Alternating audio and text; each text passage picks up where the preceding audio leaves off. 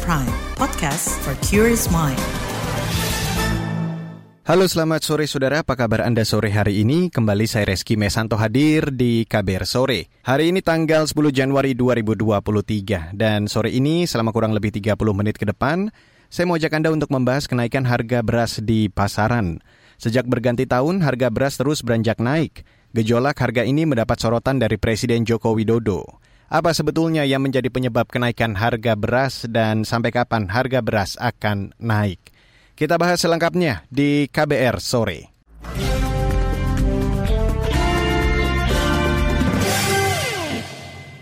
Saudara Badan Pusat Statistik atau BPS mencatat adanya kenaikan harga beras di 70-an kabupaten kota di Indonesia. Sedangkan 90 daerah lainnya harga beras cenderung menurun. Menurut Kepala BPS Margo Yuwono, kenaikan harga beras di sejumlah daerah menjadi salah satu penyebab terkereknya angka inflasi. Jadi kalau melihat penyebab inflasi terutama adalah kepada harga yang bergejolak, maka kata kuncinya adalah memperkuat pengelolaan stok. Ini adalah tugas pemerintah yang harus dilakukan. Ya, sebut saja misalkan ya bawang merah, ya kemudian beras yang juga terjadi masa panennya sudah bisa diprediksi sekitar Maret April. Tentu saja ini perlu dilakukan Eh, bagaimana pengelolaan stok ini ya begitu saat tidak panen raya maka stok tersedia dan bisa didistribusikan ke daerah-daerah sehingga pada akhirnya harga bisa dikendalikan. Itu tadi Kepala BPS Margo Yuwono. Naiknya harga beras di pasaran mendapat sorotan dari Presiden Joko Widodo.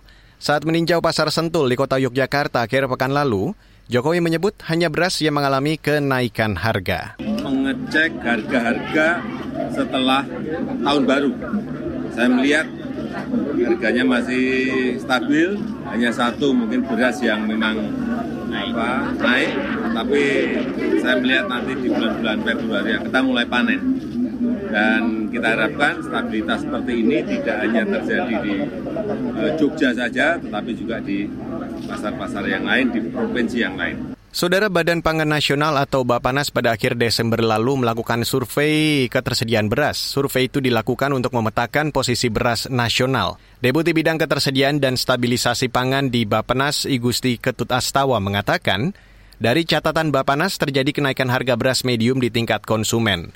Kenaikannya mencapai lebih dari 7 persen. Bapanas mendorong Perumbulok meningkatkan serapan beras dalam negeri untuk menstabilkan harga di pasaran. Eh, dalam rangka memperkuat stabilisasi khususnya beras, maka Badan Pangan sudah menetapkan Perpres tahun 125 tahun 2022 tentang cadangan pangan pemerintah sehingga pada tahun 2023 Badan Pangan Nasional akan menugaskan Bulog untuk mengelola cadangan pangan berupa beras sebanyak 2,4 juta ton dengan ending stoknya sebesar 1,2 juta ton. Sehingga harapan kita ke depan uh, Bulog di Eh, masa panen raya segera melakukan penyerapan sehingga tidak lagi terjadi seperti sekarang. Bulog uh, di tahun 2023 harus memiliki stok yang sangat cukup untuk mengantisipasi kenaikan-kenaikan harga seperti sekarang ini. Uh, melakukan intervensi dalam bentuk stabilisasi pasokan dan harga uh, secara berkala sehingga harapan kami, harapan Badan Pangan, harga beras bisa segera kita stabilkan dengan adanya intervensi berupa stabilisasi pasokan dan harga pangan khususnya beras di tahun 2023 ini. Deputi Bidang Ketersediaan dan Stabilisasi Pangan di Bapanas Igusti Ketut Astawa menyebut, cadangan beras di Bulog bulan ini sebanyak 340 ribu ton. Jumlah itu harus ditingkatkan melalui penyerapan dalam negeri dan importasi. Dia juga menyarankan Bulog melakukan intervensi dengan mengalihkan beras komersil ke cadangan beras pemerintah atau CBP. Uh, mulai dari 5 Januari sudah melakukan penugasan kepada Perum Bulog untuk melakukan stabilisasi pasokan dan harga pangan khususnya beras untuk mengintervensi kenaikan harga beras yang mulai sangat di luar harga eceran tertinggi sehingga harapan kami dengan pergerakan stabilisasi ini kita berharap setiap hari kita sudah targetkan terus bergerak bulognya untuk melakukan intervensi dengan menggunakan beras pengalihan dari komersil ke CBP sehingga harapan kami dengan dengan pola ini eh, mudah-mudahan eh, di di pasar terdapat harga beras eh, dengan harga eceran tertinggi yang sesuai dengan ketetapan pemerintah. Sehingga eh, tidak bervariatif harga itu yang kita harapkan. Sekaligus mudah-mudahan dengan intervensi ini bisa bisa membentuk harga kembali atau menurunkan atau mengkoreksi harga uh, beras yang beredar di masyarakat, khususnya beras medium. Itu tadi Deputi Bidang Ketersediaan dan Stabilisasi Pangan di Bapanas, Igusti Ketut Astawa. Di lain pihak, Perum Badan Urusan Logistik Bulog mendapat izin impor beras sebanyak 500 ribu ton. Sekitar 200 ribu ton sudah masuk Indonesia pada akhir tahun lalu, sedangkan 300 ribu ton direncanakan tiba bulan ini. KBR sudah berusaha menghubungi juru bicara Perum Bulog, Tommy Wijaya, terkait realisasi impor beras. Namun hingga KBR sore mengudara, Tommy belum bersedia memenuhi permintaan wawancara dari KBR dengan alasan masih rapat. Baiklah, setelah jeda akan saya hadirkan laporan khas KBR yang akan membahas polemik data beras RI. You're listening to KBR Pride, podcast for curious mind. Enjoy!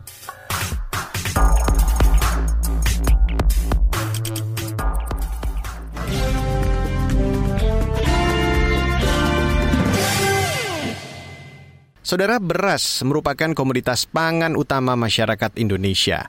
Namun, sengkarut masalah pendataan beras menimbulkan polemik berkepanjangan. Data beras di kementerian lembaga kerap tidak sinkron.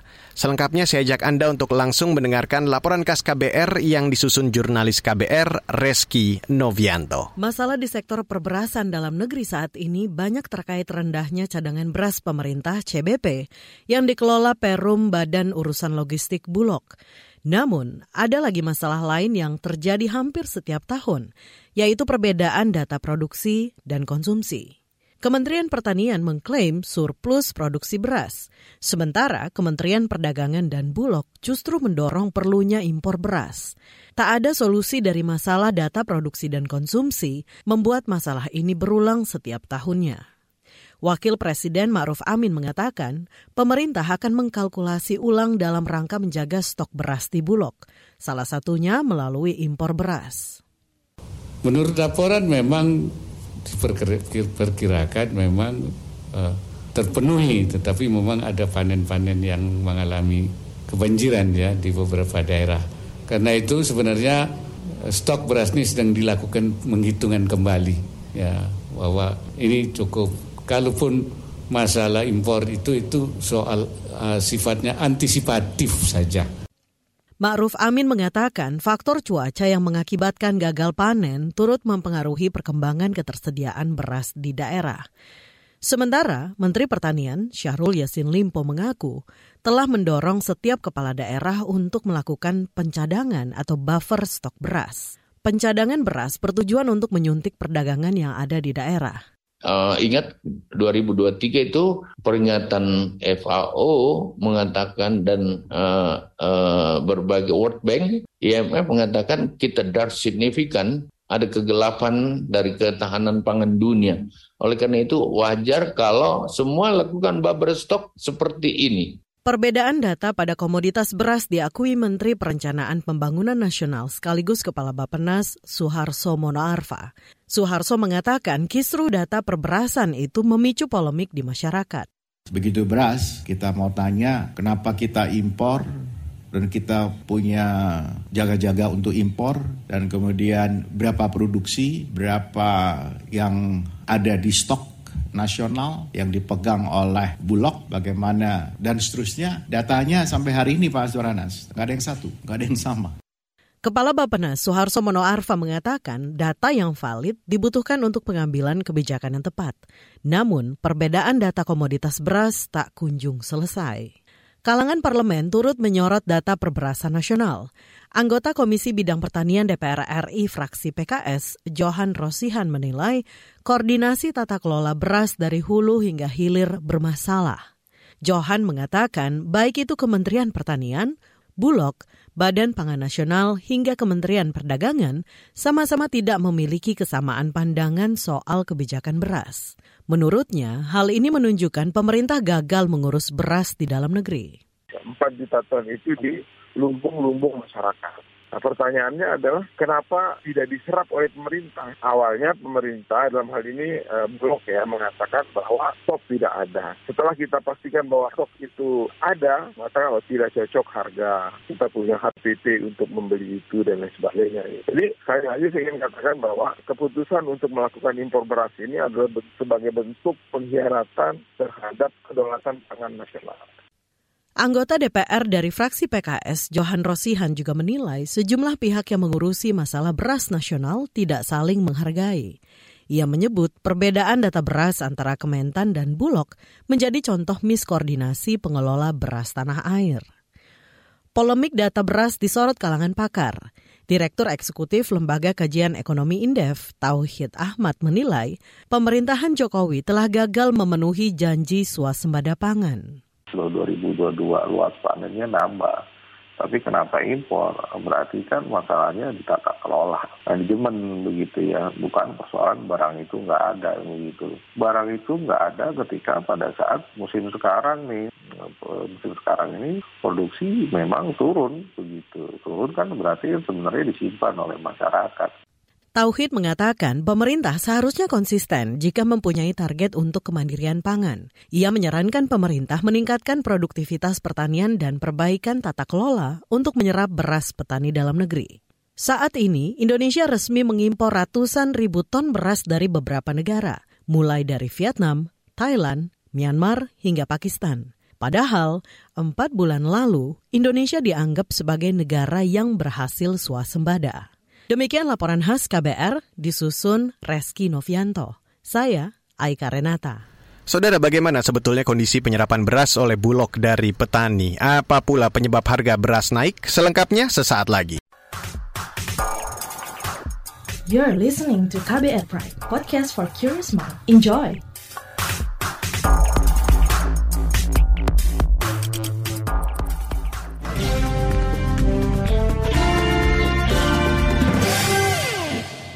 Saudara Perkumpulan Penggilingan Padi dan Pengusaha Beras Indonesia atau Perpadi menyebut tren kenaikan harga beras terjadi sejak pertengahan tahun lalu. Menurut mereka, kenaikan itu disebabkan sejumlah faktor, salah satunya karena menipisnya stok beras dalam negeri. Perpadi meminta pemerintah memperbaiki tata kelola beras nasional. Selain itu, pemerintah juga diminta menyerap cadangan beras saat panen raya atau saat stok beras di petani surplus. Di saat yang bersamaan, pemerintah diminta segera menentukan kebijakan harga pembelian pemerintah untuk gabah atau beras atau HPP dan harga eceran tertinggi atau HET. Selengkapnya saya ajak Anda untuk langsung mendengarkan perbincangan jurnalis KBR Astri Yuwanasari bersama Ketua Umum Perkumpulan Penggilingan Padi dan Pengusaha Beras Indonesia atau Perpadi Sutarto Alimuso. Sebenarnya kalau harga beras sendiri di pasaran itu kisarannya eh, berapa sih Pak kemudian naiknya itu berapa dan itu sejak kapan sebetulnya gitu? Kalau bicara beras itu memang naiknya itu terjadi sejak bulan Agustus tahun lalu. Nah, kenapa naik? Tentunya ada beberapa faktor. Yang pertama itu memang musiman.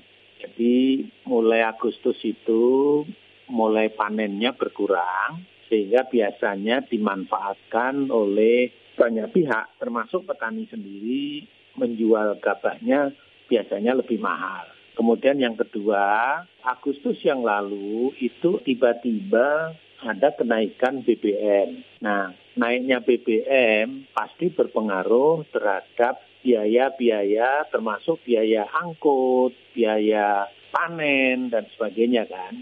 Nah, itu juga berpengaruh tentunya berapa persen itu bisa di, dihitung sebenarnya ya.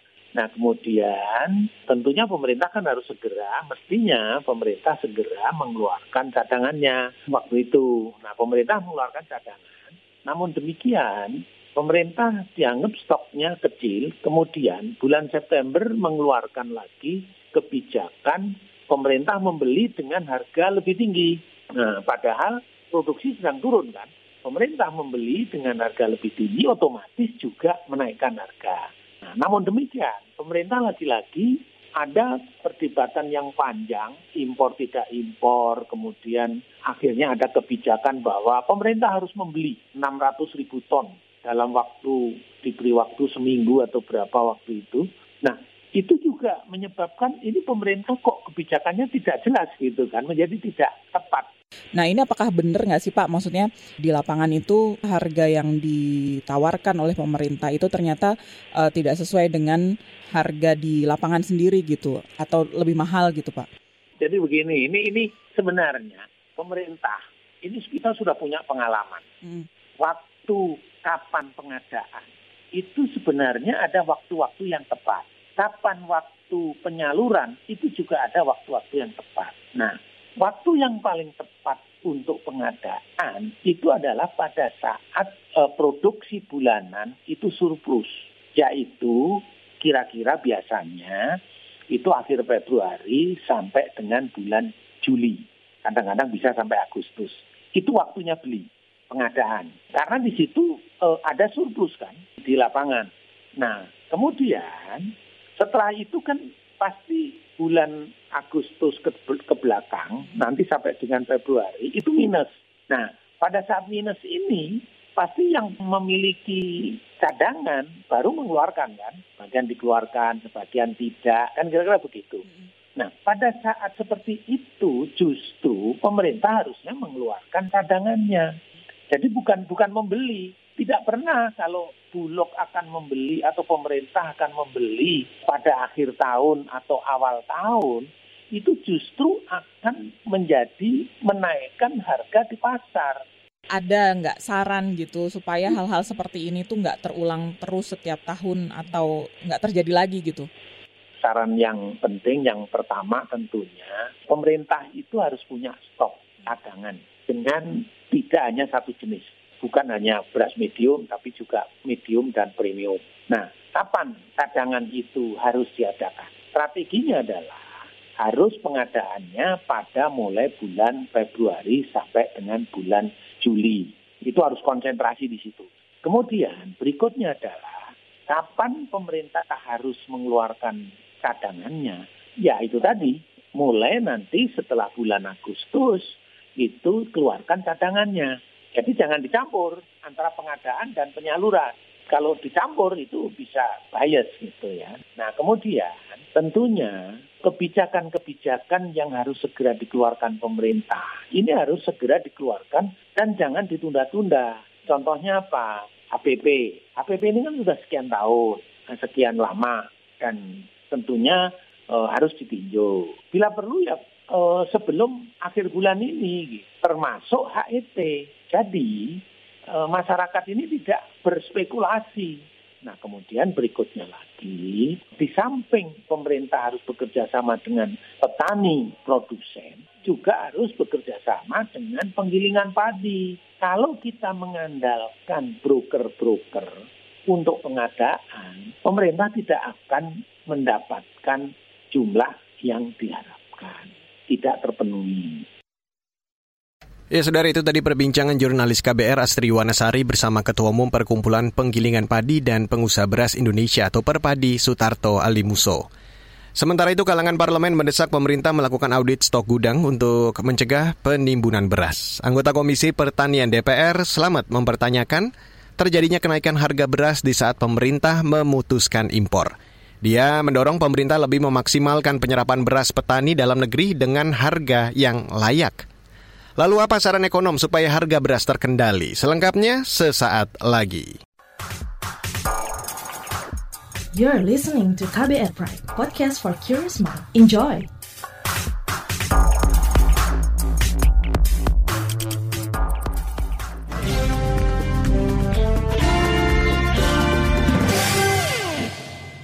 Saudara kalangan pengamat mempermasalahkan tidak meratanya distribusi beras impor ke sejumlah daerah. Hal itu disinyalir menjadi penyebab kenaiknya harga kenaikan harga beras di pasaran. Direktur Eksekutif Lembaga Kajian Ekonomi Indef Tauhid Ahmad mengatakan, semestinya pemerintah segera mendistribusikan ketika beras-beras impor tiba di tanah air. Jangan sampai beras impor malah menumpuk saat sudah tak dibutuhkan. Tawid mengatakan saat ini merupakan waktu yang tepat bagi pemerintah menggelontorkan beras untuk menekan harga yang naik di pasaran. Selengkapnya saya ajak Anda untuk langsung mendengarkan perbincangan jurnalis KBR Astri Septiani dengan Direktur Eksekutif Indef Tauhid Ahmad. Pemerintah mengimpor 500 ribu ton beras meski belum semuanya terrealisasi. Mengapa kemudian harga beras di pasaran masih naik? Apakah kemudian beras impor belum mampu menekan kenaikan harga di dalam negeri? Dan apa yang menyebabkan harga masih tinggi? Yang pertama jalur distribusi gitu ya antara yang di lokasi uh, impor dengan harga tinggi itu belum match begitu. Jadi kota-kota pelabuhan dengan daerah yang impor apa harga kenaikan inflasi beras itu belum banyak yang belum pas gitu terutama misalnya daerah Minas, ada Batam, daerah daerah-daerah inilah yang tidak produksi padi begitu ya. Kan banyak dilakukan di pelabuhan di Jawa dan sebagainya yang sebenarnya belum terlalu tinggi inflasinya ya, kecuali mungkin beberapa wilayah yang susah begitu ya. Jadi karena lokasi impornya, yang kedua dengan daerahnya yang tadi tinggi. Yang kedua adalah e, begini, supply daripada supply daripada e, beras tadi uh, terutama dari jalur tradisional ya itu banyak belum mengabsorb dari beras-beras impor begitu. Jadi uh, distribusinya masih terbatas pada jalur-jalur itu gitu ya. Jadi kan pemerintah jalur melalui bulog, mitranya terbatas. Sementara uh, jalur distribusi pemasaran tradisional kan mengandalkan dari beras-beras lokal kan Mbak. Nah itu kan justru lebih banyak di masyarakat itu yang nggak terdistribusi dengan baik. Yang ketiga adalah menurut saya ya beras yang dijual Bulog uh, mungkin saya belum lihat ya dijual berapa gitu harganya mungkin bisa jadi. Harganya belum terlalu signifikan yang diinginkan oleh katakanlah oleh uh, konsumen. Jadi masih relatif tinggi. Nah ini yang saya kira menjadi catatan. Bisa jadi uh, kualitas beratnya nggak cocok dengan karakteristik uh, dari konsumen kita. Lalu apakah operasi pasar bisa menjadi solusi cepat untuk menstabilkan harga beras dalam waktu yang singkat? Biasanya sih bisa dua bulan ya. Kalau langsung cepat butuh waktu begitu ya e, distribusi jumlahnya dan sebagainya itu juga butuh waktu. Nggak langsung cepat gitu ya. Nah itu yang e, yang kedua tadi butuh waktu. Tadi juga jalur distribusinya dipilih yang tepat atau enggak gitu.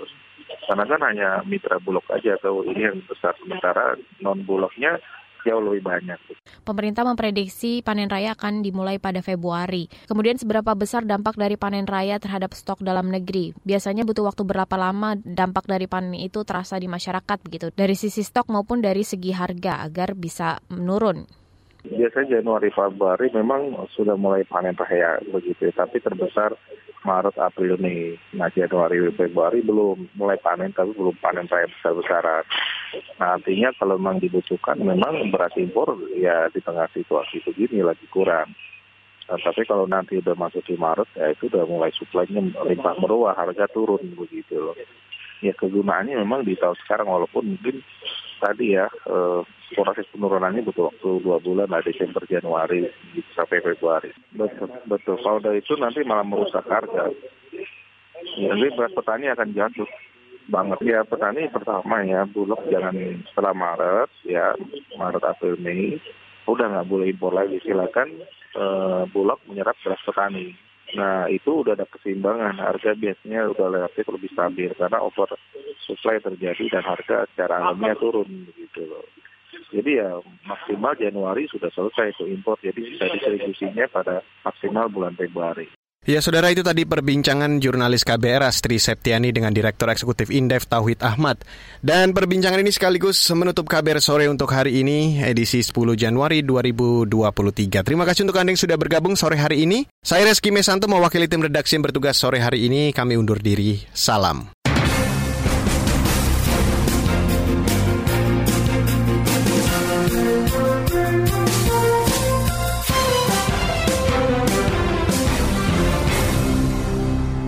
KBR Prime, cara asik mendengar berita. KBR Prime, podcast for curious mind.